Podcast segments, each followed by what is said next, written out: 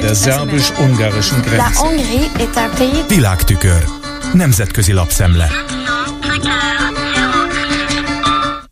A könyvesboltok befóliázzák az LMBTQ tartalmakat megjelenítő könyveket, hogy ne tudjanak beleolvasni a vevők. Összegzi roppant kézenfekvő egyszerűséggel a szemet szúró magyar jelenséget, a Guardian. S persze elsőként a most államosított könyvkiadó boltjaiban. A Librinél kezdtek ebbe a gyakorlatba. Mert hogy a Fogyasztóvédelmi Hatóság az úgynevezett gyermekvédelmi törvény ellentmondásos értelmezése miatt erre kérte őket. Válaszolta a Libri a brit lap megkeresésére. A cikk kitér arra, hogy a kormány értelmezésében keveredik a homoszexualitás a pedofiliával.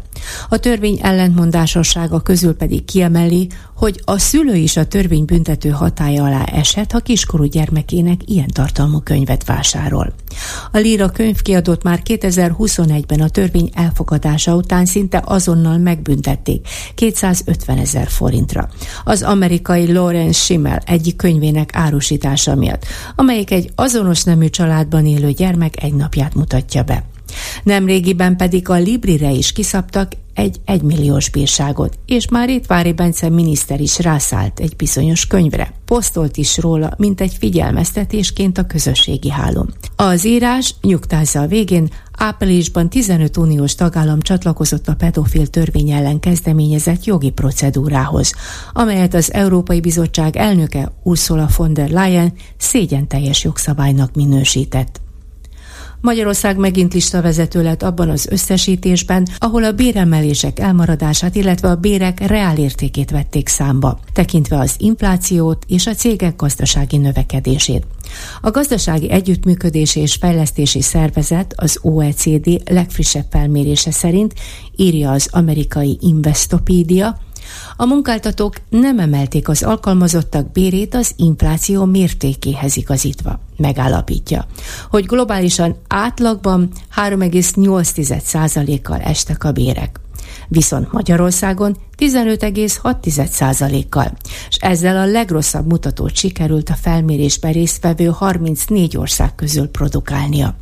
Utánunk Lettország és Csehország következik.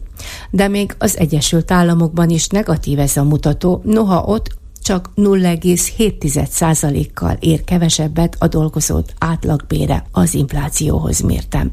Vannak azonban jól teljesítő országok is, ahol értékelik az alkalmazottak munkáját, mert Belgiumban majdnem 3%-os a viszonyított értékmutató, de megemlíthetem Kosztarikát, őt követi Izrael, majd pedig Hollandia. A felmérés kitért arra is, hogy a cégek profit növekedése ezt mindenhol lehetővé tette volna, kivéve Finnországot, Franciaországot és Portugáliát.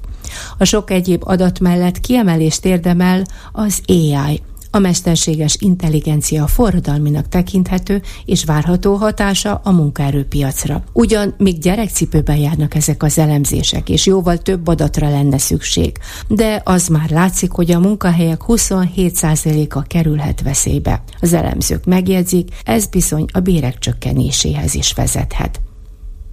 A UNICEF most publikált jelentése azt vizsgálja, miként tudják segíteni a befogadó országok az ukrán iskoláskorú menekültek tanítását. A hét országban, köztük Magyarországon is végzett felmérés szerint, amit a segélyezési politikával foglalkozó Relief Web jelentetett meg, alacsony a beiskolázási arány, általában 43 százalék, de ez az átlag 4 százaléktól 59 százalékig terjed a szórás alapján.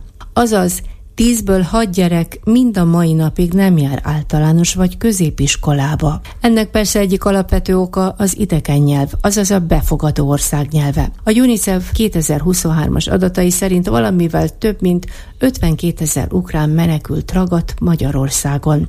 34%-uk iskoláskorú. Az összes iskoláskorú körülbelül 5000 gyereknek viszont mindössze csak 28%-a beiskolázott nálunk.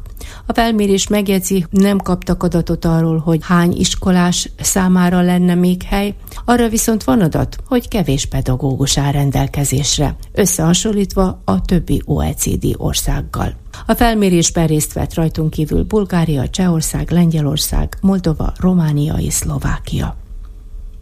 Az igencsak népszerű Real Clear Politics amerikai konzervatív oldal nagy cikket szentel a magyar konzervativizmus értelmezésének, és ebben segítségükre volt a 27 éves magát konzervatívnak tartó magyar fiatalember aki a saját bőrén tapasztaltakat mondja el.